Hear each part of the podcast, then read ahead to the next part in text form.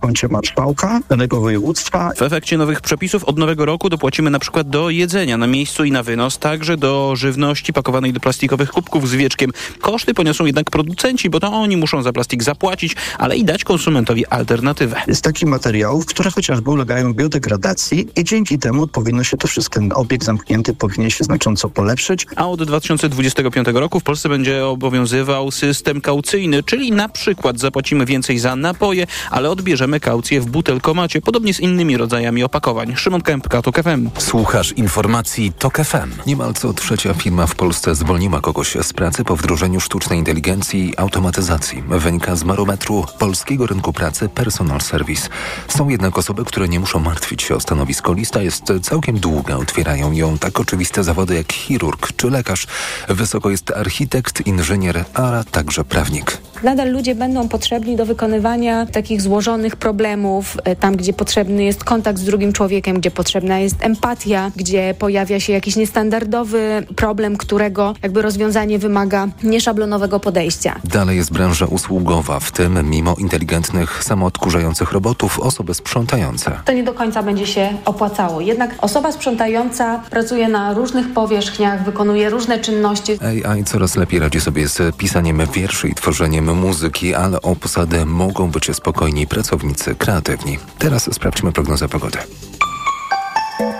Pogoda. Jutro zachmurzenie z przejaśnieniami, opady deszczu na północnym wschodzie i w górach deszcze ze śniegiem i śnieg, gdzie niegdzie na północnym wschodzie możliwa gołoleć.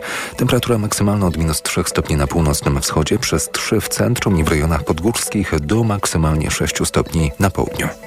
Radio TOK FM. Pierwsze radio informacyjne.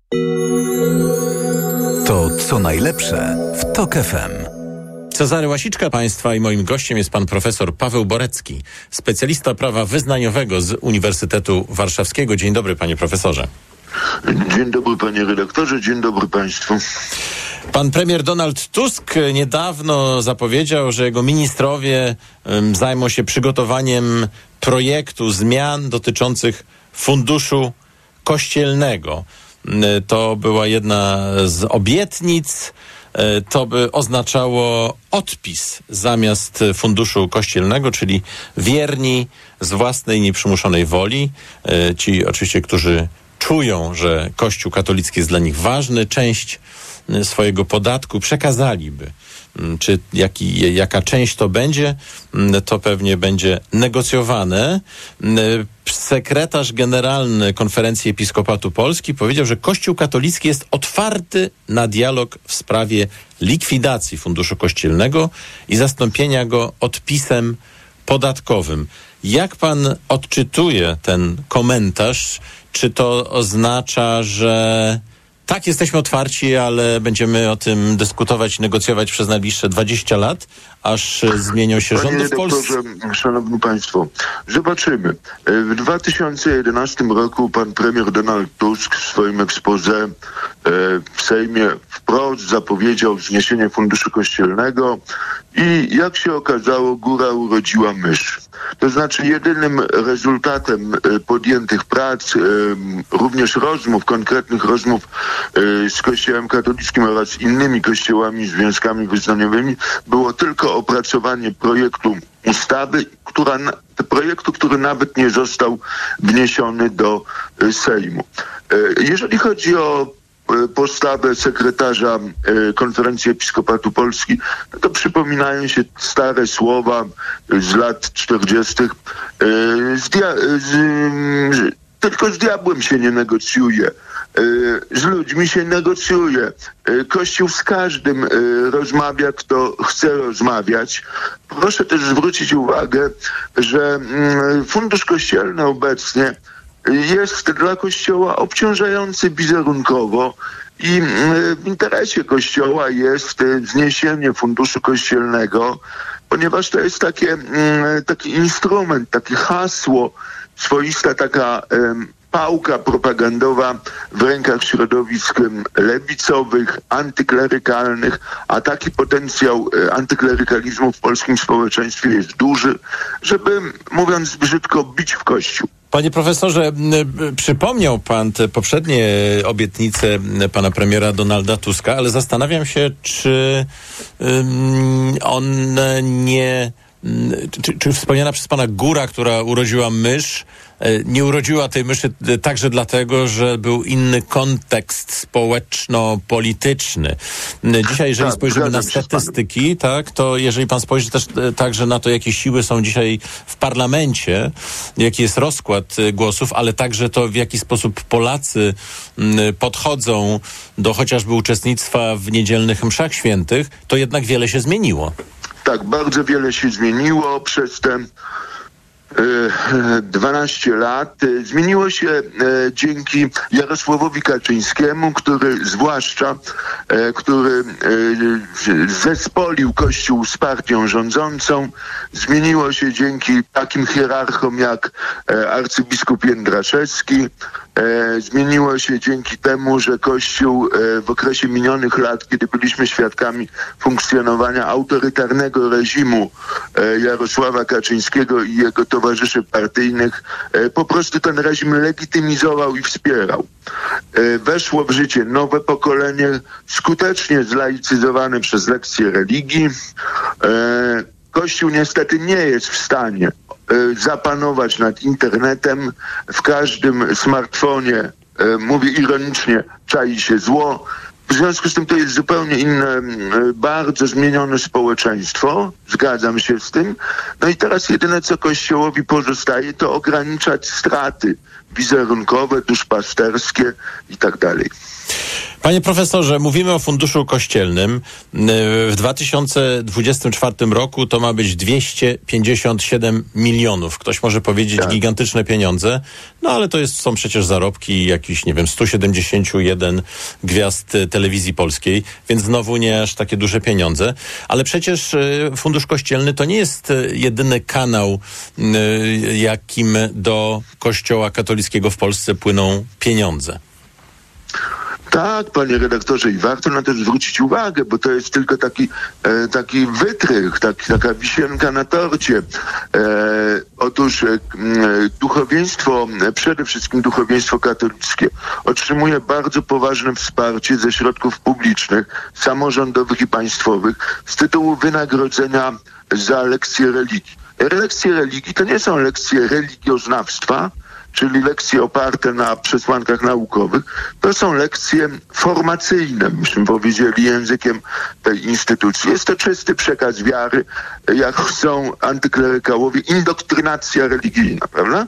I za to mm, przede wszystkim duchowni em, katolicy, zwłaszcza katolicy e, oraz mm, katecheci świeccy dostają pieniądze ze środków publicznych. Są, panie redaktorze, wydziały e, teologiczne na szeregu uniwersytetach państwowych. Są finansowane ze środków publicznych w pr- przeważającej mierze. Są, e, proszę państwa, e, uczelnie kościelne, KUL, Uniwersytet Papieski Jana Pawła II w Krakowie, tak zwane papieskie wydziały teologiczne, które są w całości finansowane ze środków em, publicznych. I te, są duszpasterstwa katolickie e, w, e, w instytucjach publicznych, zwłaszcza w służbach mundurowych, w resortach siłowych. To są pensje dla odpowiednich duszpasterzy e, bardzo sobite. Tylko efektów nie widać tego duszpasterstwa, bo na, e, na komendach policji giną ludzie. W, w okresie stanu wojennego pi razy oko wszystkich ofiar to było około e, 100 osób, a w okresie minionych 8 lat podobno na komendach policji zginęło 120 osób. I jakoś nikt z tego nie robi e, afery. A przecież tam podobno mają działać duszpasterze katolicy. No, działa, jeśli działają, to działają nieefektywnie. E, I mm, proszę Państwa, e, w związku z tym Zgadzam się z panem, że fundusz kościelny to jest naprawdę tylko mała część tego, tych środków, które płyną do, e, do kościoła katolickiego przede wszystkim e, ze, e, ze źródeł publicznych. Panie profesorze, ale spójrzmy na to, co by się stało, gdyby na przykład odpis zastąpił fundusz e, kościelny. Niedawno ksiądz profesor Tadeusz e, Stanisławski, były ekonom diecezji zielonogórsko-gorzowskiej, obliczył, że gdyby odpis wynosił pół procenta i gdyby tylko 30% podatników te pół procenta mm, przekazało, to Kościół otrzymywałby e, około 300 milionów złotych rocznie. Jak pan ocenia taką Panie prognozę? e, ja bardzo cenię mojego kolegę e, profesora Tadeusza Stanisławskiego. Ja bym chciał, żeby to e, zweryfikowały władze skarbowe. Żeby to zweryfikowały świeckie władze skarbowe, e, zrobiły tą symulację, ponieważ z całym szacunkiem, ale e, e, ksiądz profesor Tadeusz Stanisławski reprezentuje e, pewną stronę e, w tym potencjalnym dialogu.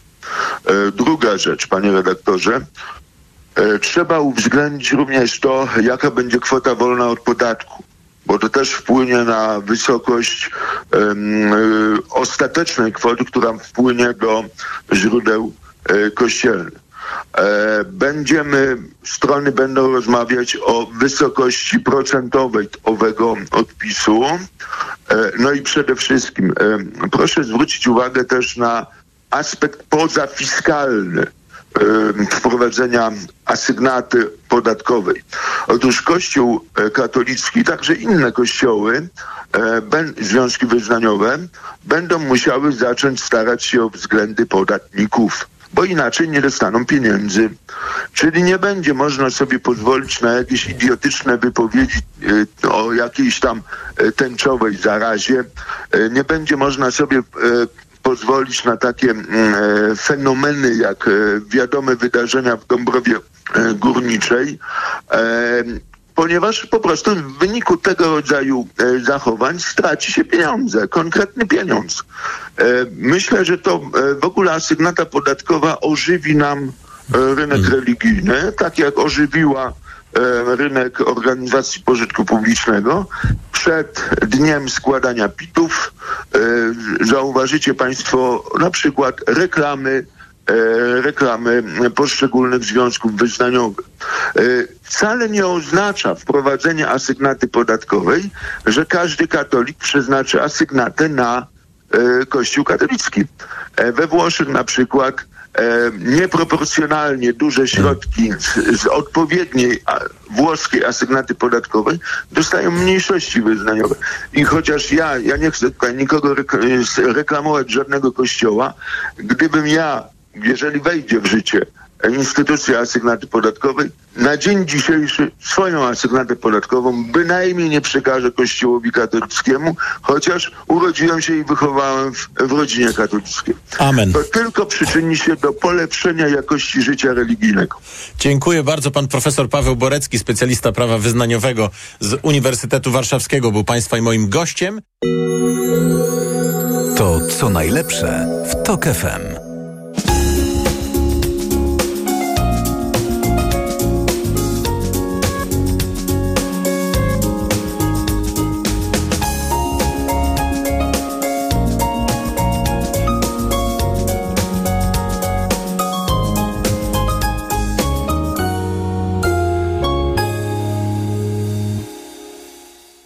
Szanowni Państwo, zwracam się dziś do Państwa jako marszałek Senatu Rzeczypospolitej Polskiej w formie telewizyjnego orędzia, bo jest to jedyna forma, jedyna droga, aby ta prawda mogła dotrzeć do wszystkich. Szanowni Państwo, wczoraj marszałek Senatu w bezprecedensowy sposób wykorzystał narzędzie, jakim jest orędzie państwowe, do próby okłamania i wprowadzenia w błąd Polaków.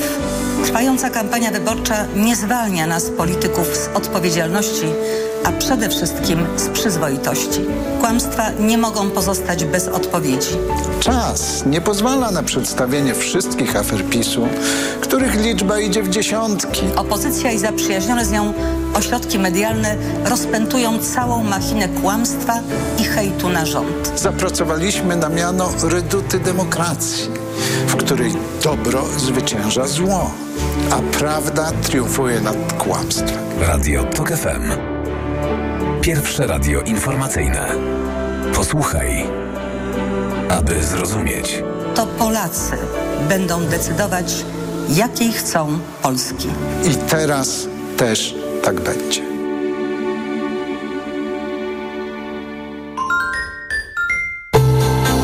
Przewodnik TOK FM. Na zdrowie. Słuchaj od poniedziałku do piątku po 14.30. Do usłyszenia. Ewa Podolska. Reklama. Za pogoda? Zimno, wieje. Sezon na golfy, ciepłe szaliki i problemy z gardłem uważam za otwarty. Na szczęście mam pod ręką Septinum. Wyrób medyczny Septinum chroni, nawilża, a także łagodzi podrażnione gardło, chrypkę i suchy kaszel. Dzięki ochronnej powłoce hydrożelowej, powlekającej błonę śluzową, gardła i krtani. Septinum. Gardło pod ochroną. Producent oraz podmiot prowadzący reklamę Zdrowit. To jest wyrób medyczny. Używaj go zgodnie z instrukcją używania lub etykietą. Zyskaj szerszą perspektywę z wyborcza.pl. Trendy, prognozy, konteksty. Wszystko, co musisz wiedzieć w 2024 roku, masz na wyciągnięcie ręki. Sprawdź na wyborcza.pl już dziś. Wielkie czyszczenie magazynów w Media Expert. Telewizory, smartfony, laptopy, ekspresy, odkurzacze, pralki i zmywarki w super niskich cenach.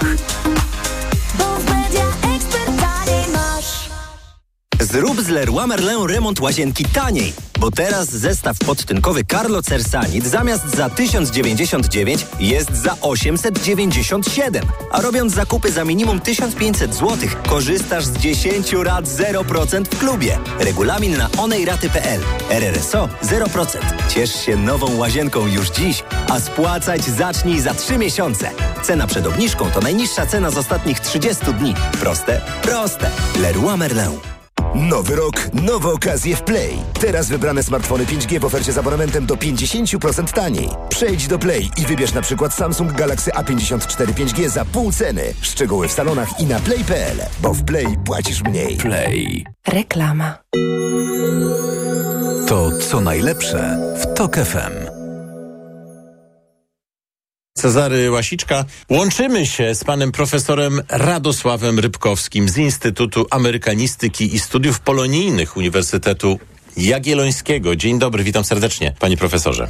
Dzień dobry, dzień dobry. Tak jak mówiłem w przeglądzie prasy, ten e, rok nie wydaje się być e, rokiem, panie profesorze, który będzie rokiem pokoju. E, raczej konflikty. Tak jak śpiewał kiedyś zespół Izrael, na wschodzie wojna, na zachodzie wojna, brat zabija brata. I w takich trudnych czasach, jeżeli ktoś jest takim państwem jak Polska, to pewnie spogląda w kierunku jakiejś instytucji, jakiegoś ciała, jakiegoś państwa, które mogłoby wspierać pokój albo być gwarantem pokoju, albo w razie jednak konfliktów też obronić, ochronić. No i myślę, że bez wątpienia dla Polski takim partnerem są Stany Zjednoczone, ale przecież Stany Zjednoczone mają całą masę swoich wyzwań i problemów. Przede wszystkim muszą się zająć tym, co dzieje się w Stanach Zjednoczonych, czyli polityka wewnętrzna, a dopiero później być tym szeryfem, którego przynajmniej część świata oczekuje, tym globalnym szeryfem. To będzie z pewnością ważny rok dla Stanów Zjednoczonych, wybory w listopadzie tego roku, ale panie profesorze, jakie, gdyby pan miał określić najważniejsze wydarzenia, jakimi żyją Stany Zjednoczone na arenie wewnętrznej, krajowej i na arenie międzynarodowej, co by to było? Znaczy, jeżeli mówimy o tym w perspektywie całego roku 2024, to nie ulega najmniejszej wątpliwości, że kluczowym, najważniejszym, nie tylko i wyłącznie z perspektywy samych Stanów Zjednoczonych, ale nie, nie tylko, tak jak pan redaktor powiedział, Polski, ale całego świata, to są wybory prezydenckie, czyli kwestia tego, kto zostanie, czy Joe Biden ewentualnie zostanie dalej prezydentem w Białym Domu, czy zostanie wymieniony przez jakiegoś um, przedstawiciela partii republikańskiej. No, ja bym powiedział tak, że na pewno nawet w TOK FM-ie będziemy o tym mówić wielokrotnie, o tym, co się dzieje w ramach wyborów w Stanach Zjednoczonych, kto ma szanse większe, jakie są zagrożenia, jakie są z tego powodu korzyści. To jest absolutnie kluczowe wydarzenie dla samych Amerykanów i przez to, jak ważni, ważna jest Ameryka, jak ważne są Stany Zjednoczone w e, relacjach międzynarodowych, także właśnie jako ten gwarant e, stabilności działania, e, spełniania, wypełniania zobowiązań na przykład Paktu Północnoatlantyckiego, no to tak samo jest istotne dla nas, dla Europy, dla Ukrainy, prawda?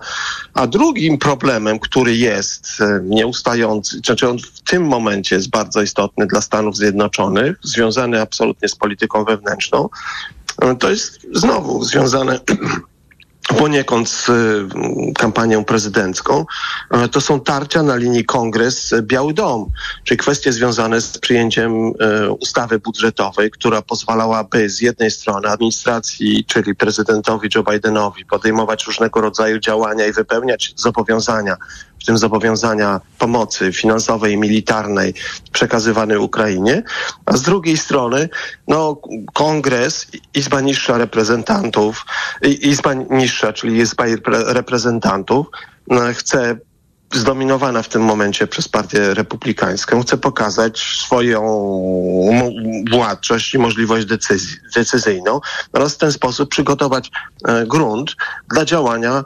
republikańskiego kandydata na prezydenta. To pewnie z punktu widzenia Polski chcielibyśmy, żeby Stany Zjednoczone wspierały finansowo i militarnie Ukrainę, ale przecież e, dla Stanów Zjednoczonych to też jest e, sprawa wewnętrzna. To też są właśnie te tarcia, o których pan mówił, w których jednym z takich, jedną z takich kart przetargowych jest właśnie pomoc militarna czy, czy finansowa dla Ukrainy.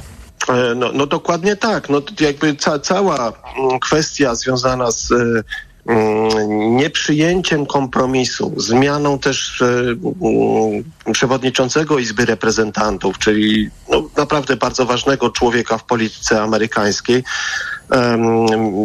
no trochę Trochę to jest też tak, jak u nas to zaczynało w tym momencie wyglądać w polityce. No jest tarcie pomiędzy prezydentem a parlamentem, no bo parlament przygotowuje, uchwala ustawę budżetową, prawda? No ale bez uchwalenia ustawy budżetowej, bez prawda, dział, przyjęcia e, różnego rodzaju zobowiązań legislacyjnych, na co mogą być wydatkowane pieniądze i to może być w ustawie całkiem dokładnie określone, e, administracja, czyli władza wykonawcza, prezydent, w Stanach Zjednoczonych nie jest w stanie podejmować żadnych działań. I to, co mm, doprowadziło, to właśnie tak, że w, w takiej kompromisowej wersji, w, po, po negocjacjach pomiędzy Białym Domem a właśnie Izbą Reprezentantów, jednak zdominowaną przez republikanów, była wpisana pomoc finansowa dla Ukrainy, ale potem okazało się, że znacznej części um, kongresmenów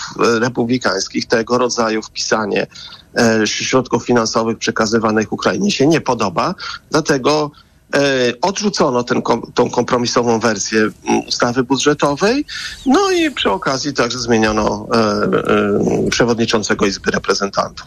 A sprawa jest nadal nierozwiązana. Panie profesorze, to kto wystartuje w tym wyścigu o fotel prezydenta i, i, i, kto będzie się przesuwał z którego miejsca na które miejsce, to jeszcze przed nami. Ale jakie tematy według pana będą y, tymi ważnymi tematami, tymi tematami, które zdecydują y, o tym, kto zostanie kolejnym prezydentem Stanów Zjednoczonych? Imigracja będzie na pierwszym miejscu? O, tak, oczywiście, no to jest problem dla Stanów Zjednoczonych, absolutnie niepodważalnie istotny. Tym bardziej, że nawet e, prawda, teraz znowu ruszyła jakaś fala migrantów z Ameryki Łacińskiej, którzy pragną przedostać się do Stanów Zjednoczonych. Znowu, znając jaka jest, e, jakie jest bogactwo, a raczej ubóstwo krajów Ameryki Środkowej, jak jest e, zagrożenie, czy jak, jak, jak, jak kompletnie są to niebezpieczne do, do mieszkania kraju, to trudno się dziwić ludziom, że mając gdzieś tam na północy e, za rzeką Rio Grande, takiego wielkiego sąsiada, no, że mnóstwo ludzi chciałoby się tam przedostać w sposób legalny czy nielegalny. Ale kolejnymi elementami, które zawsze są poważnymi problemami dla Amerykanów, to jest coś, co wprowadził Barack Obama, czyli system bardziej dostępnego um, ubezpieczenia zdrowotnego, dla który jest y, absolutnie ciernią w oku republikanów, że coś takiego zostało wprowadzone, bo to po prostu podważa ich myślenie, że za wszystko tak naprawdę powinien człowiek odpowiadać indywidualnie. Jak się chce ubezpieczać, mieć ubezpieczenie zdrowotne, to niech się ubezpiecza, niech to robi sam, a nie ma go wspomagać w tym państwo. Więc y, problem czy kwestie związane z dostępem do ubezpieczenia zdrowotnego, w ogóle do, do mm, różnego rodzaju usług społecznych związanych z, ze wspieraniem, nie wiem, najuboższych, właśnie to z, z ludzi znajdujących się w różnego rodzaju kryzysach, e, kryzysie bezdomności, e, czy, czy, czy osoby bezrobotne, to będą tematy, które na pewno będą nieustająco powracać w e, prezydenckiej kampanii, pamiętając, że ona zawsze jest także kam, kam, kampanią w wyborach do kongresu. Panie profesorze, to, to są kwestie, z którymi mm, Stany Zjednoczone będą się zmagać wewnętrznie, ale y, przynajmniej część świata oczekuje, że Stany Zjednoczone będą także aktywne na arenie międzynarodowej, co oznacza negocjacje, ale mm, to także oznacza y, obecność wojskową w różnych regionach świata. I w przeszłości y, no, to jest wiadomo, że, że Nie można być wszędzie, bo to by wymagało naprawdę gigantycznej y, siły militarnej, więc Stany Zjednoczone muszą sobie priorytetyzować świat, y, decydować się, y, w których regionach będą bardziej aktywne, albo w których regionach y, ta obecność będzie bardziej widzialna, czy bardziej odczuwalna. Był taki moment, kiedy Europa była tym miejscem i y, chyba wtedy y, ci, którzy w Europie mieszkają, bardziej się cieszyli. Ale potem okazało się, że Azja y, staje się ważna. Jakie są priorytety na ten rok, jeżeli chodzi o obecność wojskową mm, czy też polityczną Stanów Zjednoczonych? Które, które regiony i dlaczego wydają się najważniejsze e, dla Stanów Zjednoczonych? Jak będzie wyglądała polityka międzynarodowa? To y, za, zacznę od kwestii najbardziej oczywistej. Y, absolutnie kluczowy z perspektywy Stanów Zjednoczonych, y, amerykańskich. I tutaj akurat jest zgoda pomiędzy zarówno demokratami, jak i republikanami. Jest wspieranie mm, samodzielności, samoistnienia Tajwanu jako bytu odrębnego od Chińskiej Republiki Ludowej. I tam obecność militarna Stanów Zjednoczonych, czasami nawet zwiększana, bo pojawia się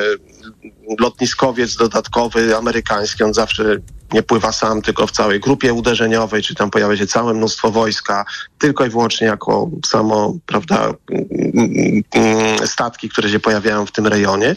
E, Z tym także jest związana obecność oczywiście amerykańska militarna w Korei Południowej i w Japonii. I to na pewno jest jeden z takich kluczowych regionów. Czemu? Bo z perspektywy amerykańskiej, nie tylko amerykańskiej, także z pa- patrzenia z perspektywy światowej, no to ry- rywalizacja pomiędzy Stanami Zjednoczonymi a Chinami to jest najważniejsza w tym momencie rywalizacja, zarówno militarna, jak i polityczna. No i Stany Zjednoczone próbując, chcąc pokazać, że dalej są e, najważniejszym krajem w świecie pod, właśnie ze względu na swoją siłę zarówno polityczną, jak i militarną, tego regionu nie mogą odpuścić.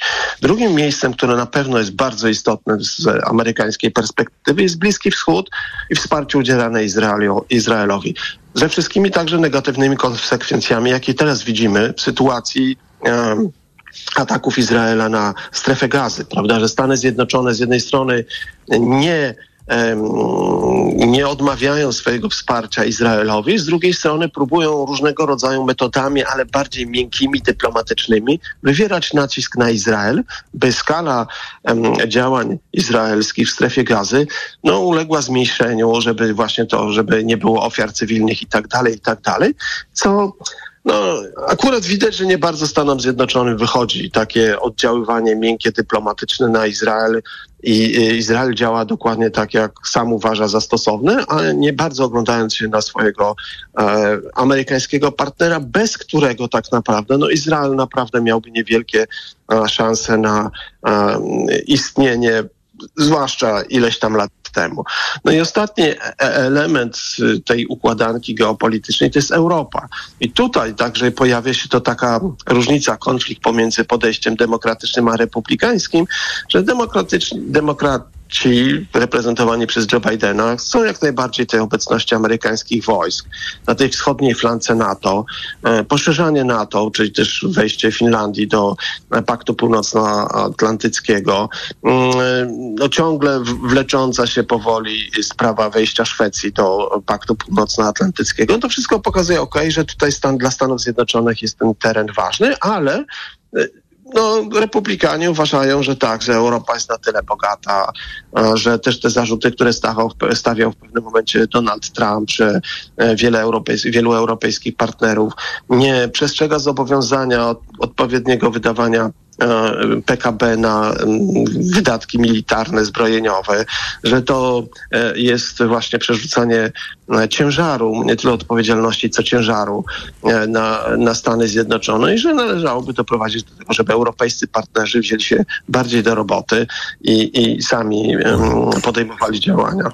Tutaj zdaje się, panie profesorze, prymusem jest Polska, która zawstydza innych członków NATO, nawet przekraczając wymagane y, zobowiązania. A jeszcze, jeżeli pan y, profesor pozwoli, wrócę na chwilę do Tajwanu, do, do tego y, miejsca, do, do tej strefy, którą pan wskazał jako ważną dla Stanów Zjednoczonych. To jest szczególnie ważna informacja w, w świetle e, telewizyjnego przemówienia Xi Jinpinga, e, noworocznego, e, dosłownie sprzed kilku godzin, którym powiedział, że ojczyzna z pewnością zostanie zjednoczona i rodacy po obu stronach cieśniny powinni wiązać wspólne poczucie celu, powinno wiązać ich wspólne poczucie celu, aby móc uczestniczyć w chwale odrodzenia narodowego. Niektórzy odczytali to jako no, próba być może nawet siłowego przyłączenia Tajwanu. No, no, no Chiny nie ukrywały, kontynentalne Chiny, czyli Chińska Republika Ludowa, nie ukrywała, nie, nie ukrywa, że samodzielność Tajwanu jest czymś, czego ona absolutnie nie akceptuje. E, I idea zjednoczenia, która no, na mniejszą skalę jednak była realizowana w przypadku Hongkongu i Makao, e, no, powinna do, do, doznać swojego zwieńczenia przez przyłączenie e, Tajwanu. No tak wygląda to z e, perspektywy chińskiej. Tu oczywiście trzeba też e, ja nie jestem specjalistą od Chin, to bardziej e, ufam kolegom, z którymi także Państwo macie oczywiście kontakty dobre, E, ale e, no, w- tym momencie Chiny także przeżywają swój poważny kryzys ekonomiczny. To on pierwszy poważny kryzys ekonomiczny od wielu, wielu lat. I podejrzewam, że w sytuacji niejednokrotnie tak się dzieje w świecie polityki, że kiedy pojawia się poważny problem ekonomiczny, wchodzimy na takie bardziej właśnie nacjonalistyczne mm, y, y, tony, no po to, żeby jednoczyć społeczeństwo i poniekąd trochę odwrócić uwagę od rzeczywistych problemów, które są, dzieją się na miejscu, pokazując, że a tak, prawda, właśnie jak, jak się połączymy z Tajwanem, to wtedy wszyscy będziemy żyli długo i szczęśliwie, co oczywiście nie jest prawdą, bo e, to w mm, kryzysie gospodarczym samych, samej Chińskiej Republiki Ludowej niewiele by to zmieniło i niewiele by to pomogło. Natomiast byłoby poważnym problemem dla gospodarki światowej, bo Tajwan jest bardzo ważnym producentem między innymi pod, podzespołów elektronicznych, czyli chipów i takich zaawansowanych podzespołów elektronicznych. Panie profesorze, bardzo dziękuję m, za to obszerne wyjaśnienie i spojrzenie e, w przyszłość. Pan profesor Radosław Rybkowski z Instytutu Amerykanistyki i Studiów Polonijnych Uniwersytetu Jagiellońskiego był Państwa i moim gościem. To co najlepsze w TOK FM.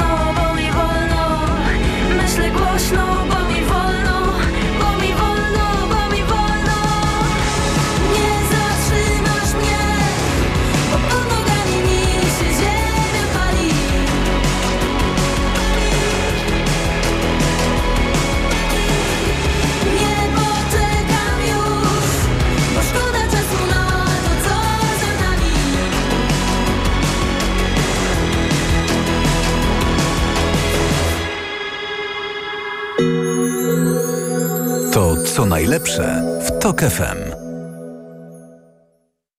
W studio gość pani Pamela Krzypkowska, specjalistka AI, czyli sztucznej inteligencji w Ministerstwie Cyfryzacji, wykładowczyni. Dzień dobry. Cześć, dzień dobry.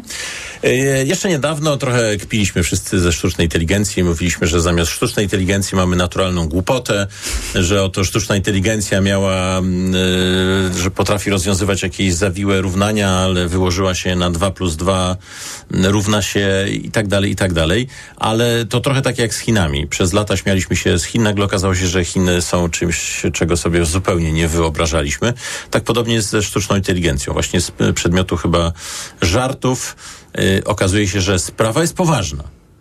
Myślę, że generalnie lubimy sobie żartować z wielu rzeczy, które naprawdę i tak są poważne, więc wydaje mi się, że jest poważnie, ale jest też śmiesznie. Śmiesznie, bo? Więc, no bo nadal to jest zabawne, w sensie różne rzeczy, które się generalnie dzieją teraz w AI i działy się przez ten ostatni, ostatni rok, no bo nie da się nie mówić, że ostatni rok był w pewnym sensie przełomowy. Rokiem chodzi... AI.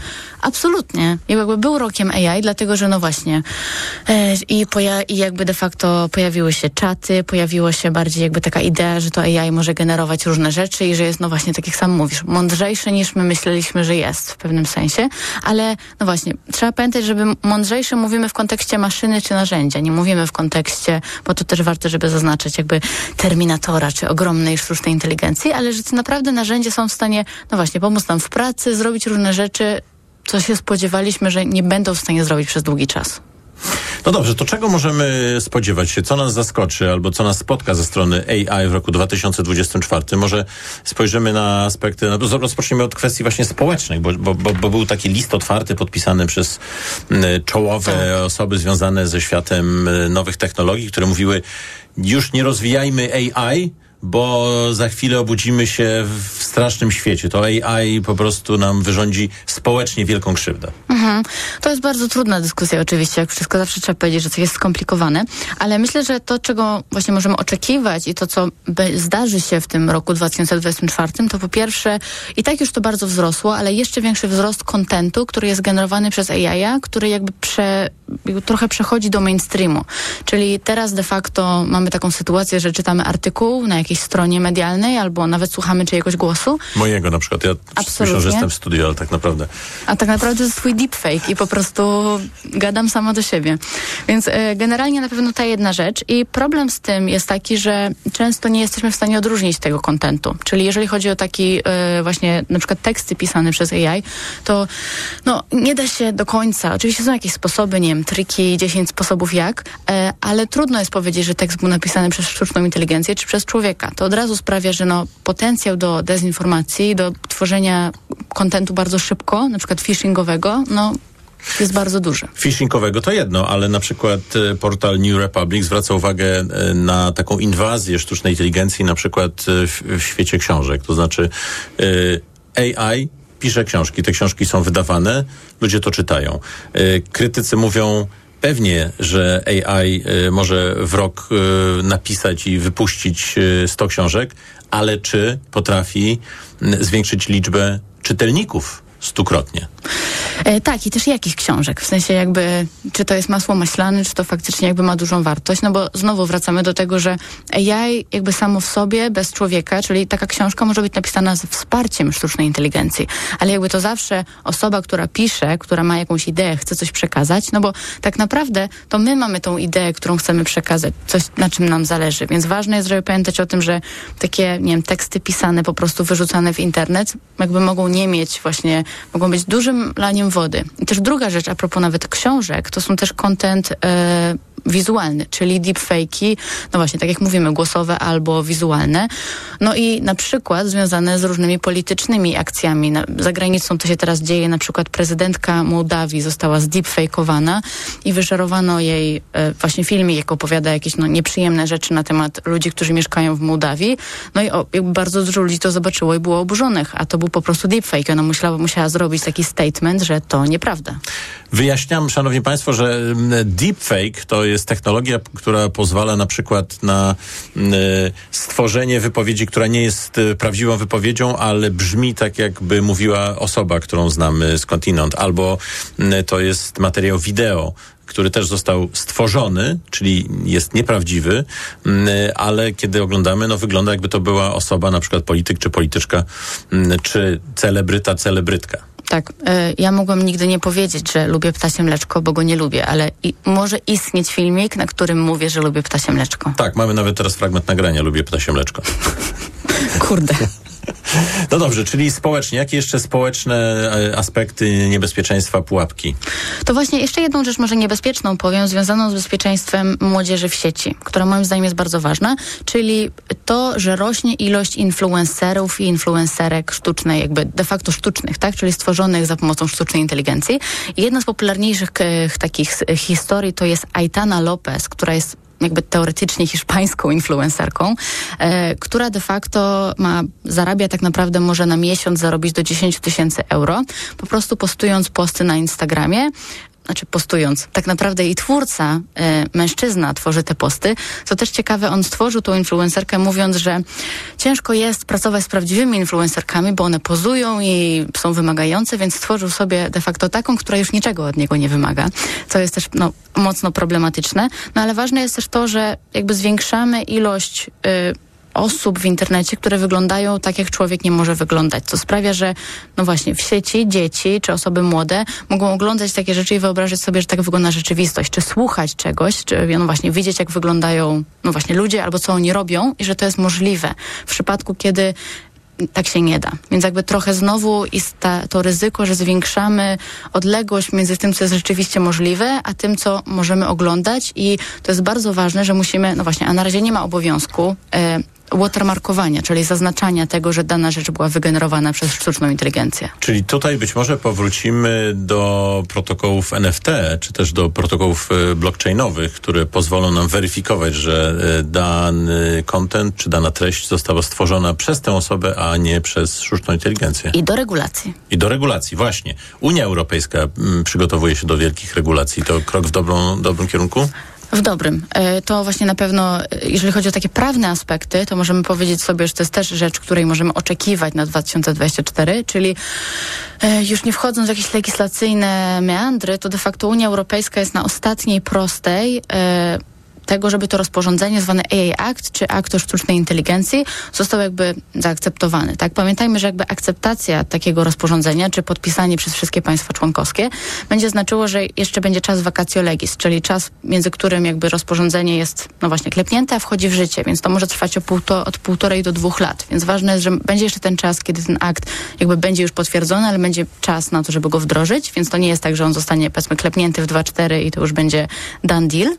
E, no ale ważne, że to, że taki akt będzie klepnięty, da nam jakąś właśnie perspektywę, na przykład do watermarkowania takiego AI-owego kontentu. To jest jeden z wymagań, tak? Czyli jeżeli generujemy obrazy albo na przykład mamy chatbota, który nie jest człowiekiem, tylko jest botem, to człowiek musi wiedzieć, że on interaguje z sztuczną inteligencją i to będzie musiało być napisane. Zwykle technologia wyprzedza prawo albo szybko prawo omija, więc należałoby mieć nadzieję, że mm, e, wszelka legislacja, która powstanie, nie zostanie bardzo szybko wyprzedzona przez technologię. No to jest zawsze ryzyko. Myślę, że ważna rzecz, którą możemy tutaj dodać jest to, że AI Act y, w takiej swojej dużej części próbuje w pewnym sensie regulować nie technologię, tylko regulować ryzyka technologii. W sensie nie mówi takie i takie modele, w sensie w drugiej części mówi, ale w jednej części mówi o ryzykach. Czyli mówi, jeżeli na przykład twoje rozwiązanie AI-owe dotyczy rekrutacji, to musisz spełnić takie i takie warunki. Więc y, tutaj bardziej chodzi o to, że nawet jeżeli nowa technologia powstanie, która robi takie rzeczy, to ona także będzie podlegała pod ten e, skalę ryzyka. E, W tym artykule w, na portalu New Republic e, autorstwa Lincolna Michela zainteresowała mnie taka wizja przyszłości, w której boty, czyli sztuczna inteligencja, nie tylko pisze maile, e, które chcemy rozesłać, ale także czyta maile, po czym odpowiada na te maile. Czyli wkrótce będziemy mieli mm, e, taką rzeczywistość, w której boty będą ze sobą korespondowały, pisząc, odpowiadając, pisząc, odpowiadając i wreszcie będzie można zostawić skrzynki pocztowe w, poko- w spokoju. Wreszcie ty będziesz odpowiadać, w sensie nie ty będziesz odpowiadać za siebie, rzeczy będą się działy, a ty nie będziesz musiał nic robić. Tak. E, bardzo Do się nie zgadzam z tym. Nie, nie, nie, nie, nie. Tak nie można. Bardzo się z tym nie zgadzam. Jakby z tego właśnie względu, że sztuczna inteligencja ma nas wspierać i ma w pewnym sensie właśnie rozszerzać nasze umiejętności. Ja nie jestem kalkulatorem, używam kalkulatora, tak? Jakby nie umiem liczyć tak dobrze, mimo to, że bardzo bym chciała. E, I generalnie sztuczna inteligencja też może nam pomóc w wielu rzeczach, ale w tym momencie tworzysz właśnie jakiś taki łańcuch zdarzeń, które się dzieją bez jakby twojego wkładu, co jest z mojej perspektywy nie do akceptacji. Czyli może napisać maila szybciej, ty możesz go przeczytać i dodać dwa słowa, przecinki albo coś zmienić, ale generalnie widzisz go zanim go wysyłasz. No tak, ale po co, skoro na, na drugim końcu i tak przeczyta to sztuczna inteligencja? Dlatego, że to my jesteśmy odpowiedzialni za nasze decyzje. Bardzo mi się e, podoba, że tutaj starasz się grać tego adwokata diabła, no ale jednak to my jesteśmy odpowiedzialni za to, co robimy, to, co mówimy, to na co się decydujemy. Więc zawsze należy pamiętać, że jeżeli korzystamy z takich narzędzi sztucznej inteligencji, to my musimy sprawdzić, czy to, co ona napisała, zrobiła, jest zgodne z prawdą, jest właściwe, to jest to, co my chcemy powiedzieć. A co z ochroną danych osobowych? Pyta nasza słuchaczka. To jest e, kolejna ważna sprawa. E, cieszę się, że e, tutaj zadałaś właściwe pytanie, dlatego że mm, oczywiście zależy w której, z której strony. Dlatego, że dane osobowe z jednej strony mówimy o danych treningowych, czyli jak budujemy modele, no to dane są wykorzystane do trenowania modeli i zazwyczaj jest taki proces zwany anonimizacją albo pseudonimizacją, czyli wszystkie dane osobowe są usuwane albo zamieniane na jakieś dane fałszywe. Jakby tak powinno się tworzyć te modele sztucznej inteligencji, właśnie anonimizując dane. Z drugiej strony, jeżeli chodzi o wykorzystanie, czyli powiedzieliśmy sobie, jak to wygląda, jeżeli chodzi o budowanie, jeżeli chodzi o wykorzystanie sztucznej inteligencji, to dobrą praktyką dla wszystkich jest de facto nie wrzucanie swoich danych osobowych w żadne narzędzia. Czyli jeżeli korzystacie z otwartych narzędzi, takich jak właśnie, nie wiem, ChatGPT czy Google Bard, to żeby nie wrzucać tam swoich danych osobowych, ani żadnych danych wrażliwych, no bo oczywiście my nie mamy kontroli nad tym, gdzie te dane się finalnie znajdują i jak zostaną wykorzystane. Więc dane osobowe także no, są tutaj takim elementem, który jest istotny i musimy o nich pamiętać, ale też jeżeli my korzystamy z narzędzi, to musimy pamiętać, żeby nie wrzucać swoich danych ani nikogo innego do tych narzędzi. Jakie niespodzianki czekają nas, e, jeżeli chodzi o technologiczne aspekty sztucznej inteligencji? Bo już sztuczna inteligencja potrafi malować, rysować, tworzyć skomplikowane e, grafiki, ale także mm, e, materiał wideo czy audio, które wyglądają i brzmią jak prawdziwy człowiek. Co jeszcze, co jeszcze może wymyślić? Takie już wszystko było wymyślone, wszystko się działo, co jeszcze można. E, No właśnie też to jest zawsze problematyczne, szczególnie, że teraz w tych AI-owych em, kręgach, że tak powiem, dużo co się dzieje, są trochę takie spekulacje. Ja się bardzo z tego śmieję, że to jest takie trochę e, show celebryckie, że właśnie co się dzieje, co powiedział jakiś, wa- jakiś ważny człowiek z tego em, kręgu AI-owego. No ale to, co wiemy, że się zadzieje i co jakby na co warto zwrócić uwagę, jest to, że e, Google Gemini, czyli nowy model, de facto, który wszedł w grudniu, e, ma możliwość jakby pokazania nam trochę właśnie innej strony, innej firmy modelu w perspektywie tego, co już znamy od OpenAI. Czyli po pierwsze, mamy nowy model, który w nowym roku będzie szeroko testowany i może okaże się, że w których aspektach jakby jest on lepszy, gorszy albo może na przykład lepiej spr- sprawdza dane, czy mniej halucynuje. Albo w ogóle sprawdza dane. E, Tak, znaczy sam model sam w sobie nic nie sprawdza. Model sam w sobie jest puszką na wrzucanie i wyrzucanie, ale może być podłączony do źródeł danych, tak? Czyli ważne, że możemy podłączyć nasze modele do pewnych źródeł. No i też a propos tych zmian, no to ChatGPT, taki, który znamy, jest modelem tylko tekstowym. Taki klasyczny, że my wpisujemy tekst, on nam opowiada tekstem i to, na co możemy czekać, to są jeszcze więcej, jeszcze szersze modele multimodalne, czyli to, że może, możemy wrzucić tam obraz, dopisać tekst. To jest taka na przykład rzecz, którą Google Gemini pokazuje na swojej stronie, że możemy wkleić trzy zdjęcia triku magicznego i napisać opisz proszę jakby co to jest za trik magiczny i co tutaj się dzieje, tak? Czyli, że mamy jakby wiele kanałów, z którymi możemy z tymi modelami interagować. No i wielki słoń e, w składzie porcelany dyskusji o sztucznej inteligencji, czyli GPT-5, czyli potencjalnie kolejny model, który może zostać wypuszczony przez OpenAI, czyli ta firma właśnie, która stworzyła ChatGPT. Dla perspektywy, ten klasyczny chat GPT to był tak zwany GPT 3,5, czyli powiedzmy, że jesteśmy w pewnym sensie, teraz jesteśmy pół do przodu, bo mamy GPT 4, dyskusje są o półtora do przodu, czyli o GPT 5, które sam Altman na przykład, czyli właśnie CEO OpenAI powiedział, że y, będzie super inteligentny. Co oczywiście jest bardzo fajne, bo miło jest mówić o słowach, które nie mają definicji jakby w, w tym sensie, czyli co to znaczy super inteligentny. No z mojej perspektywy, nawet jeżeli taki model powstanie, co i tak jest trudne, dlatego że ilość infrastruktury do trenowania modeli e, jest jej dużo za mało. W sensie na przykład taki model jak GPT-4, no to trenowanie zajmuje bardzo dużo. A skoro mówimy o trenowaniu, to m, oprócz kwestii związanej z ochroną danych osobowych, pojawia się też kwestia praw autorskich. Mhm. Y, Twórcy, czy też y, in- informacji, y, myślę tutaj o, o, o dziennikarzach, czy też koncernach prasowych, z pewnością będą wytaczali, bo już wytaczają procesy wobec firm zajmujących się sztuczną inteligencją, mówiąc, trenujecie te e, programy na naszych, jak gdyby na, na naszym, na tym, co my zbieramy i za co płacimy, a wy trenujecie je bezpłatnie, no więc chcemy jakiejś pewnie części udziału w zyskach. Tak, y, taki teraz w ogóle bardzo świeża rzecz to jest proces właśnie, który New York Times wytoczył OpenAI i Microsoftowi, mówiąc, że używali ich artykułów, które są płatne do trenowania swoich modeli i mówią, że teraz te modele konkurują z ich kontentem, co sprawia, że oni mają straty finansowe. E, No i pytanie pojawia się tutaj, skąd ja mam wiedzieć, jak nie wiem na jakich danych dokładnie był trenowany ten model, skąd na przykład New York Times wie, że na ich danych był trenowany ten model. Oni powiedzieli w swoim procesie, że byli w stanie wygenerować prawie analogiczne teksty do tych, które były na ich stronie. To też pokazuje, że tutaj ta idea, no zawsze trochę prawa autorskie są, można powiedzieć, rozmyte, w sensie co to znaczy, że jakieś dzieło jest nowe. No ale tutaj jeszcze mamy ten dodatkowy problem z tym, że skąd mamy wiedzieć, że twoje dzieło znalazło się w tym zbiorze treningowym, jeżeli zbiór nie jest udostępniony publicznie. No i właśnie ich argumentacją było to, że te y, artykuły, które można wygenerować, mają bardzo duże podobieństwo do tych artykułów, które są na y, stronie New York Timesa.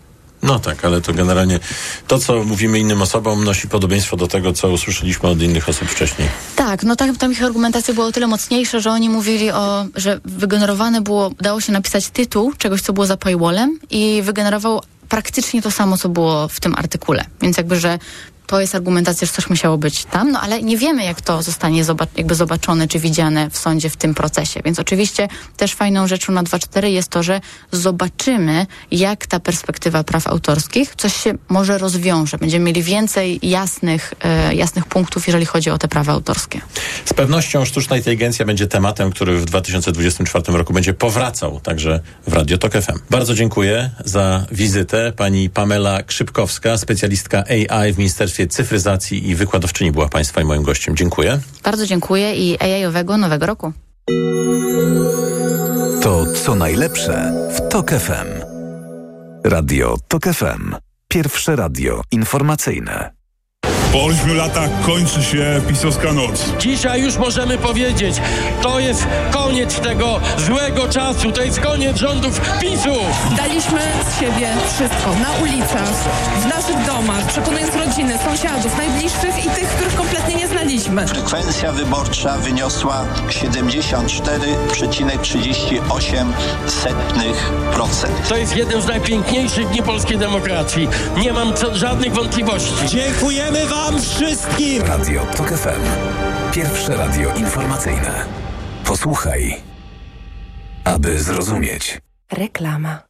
Let's go! Zimowe wietrzenie magazynów w MediaMarkt. Teraz odkurzacz bezprzewodowy Samsung Jet 85 Pro za 1999 zł. Taniej o 540 zł. Dodatkowo otrzymasz zwrot 200 zł od producenta. Najniższa cena z 30 dni przed obniżką to 2539 zł.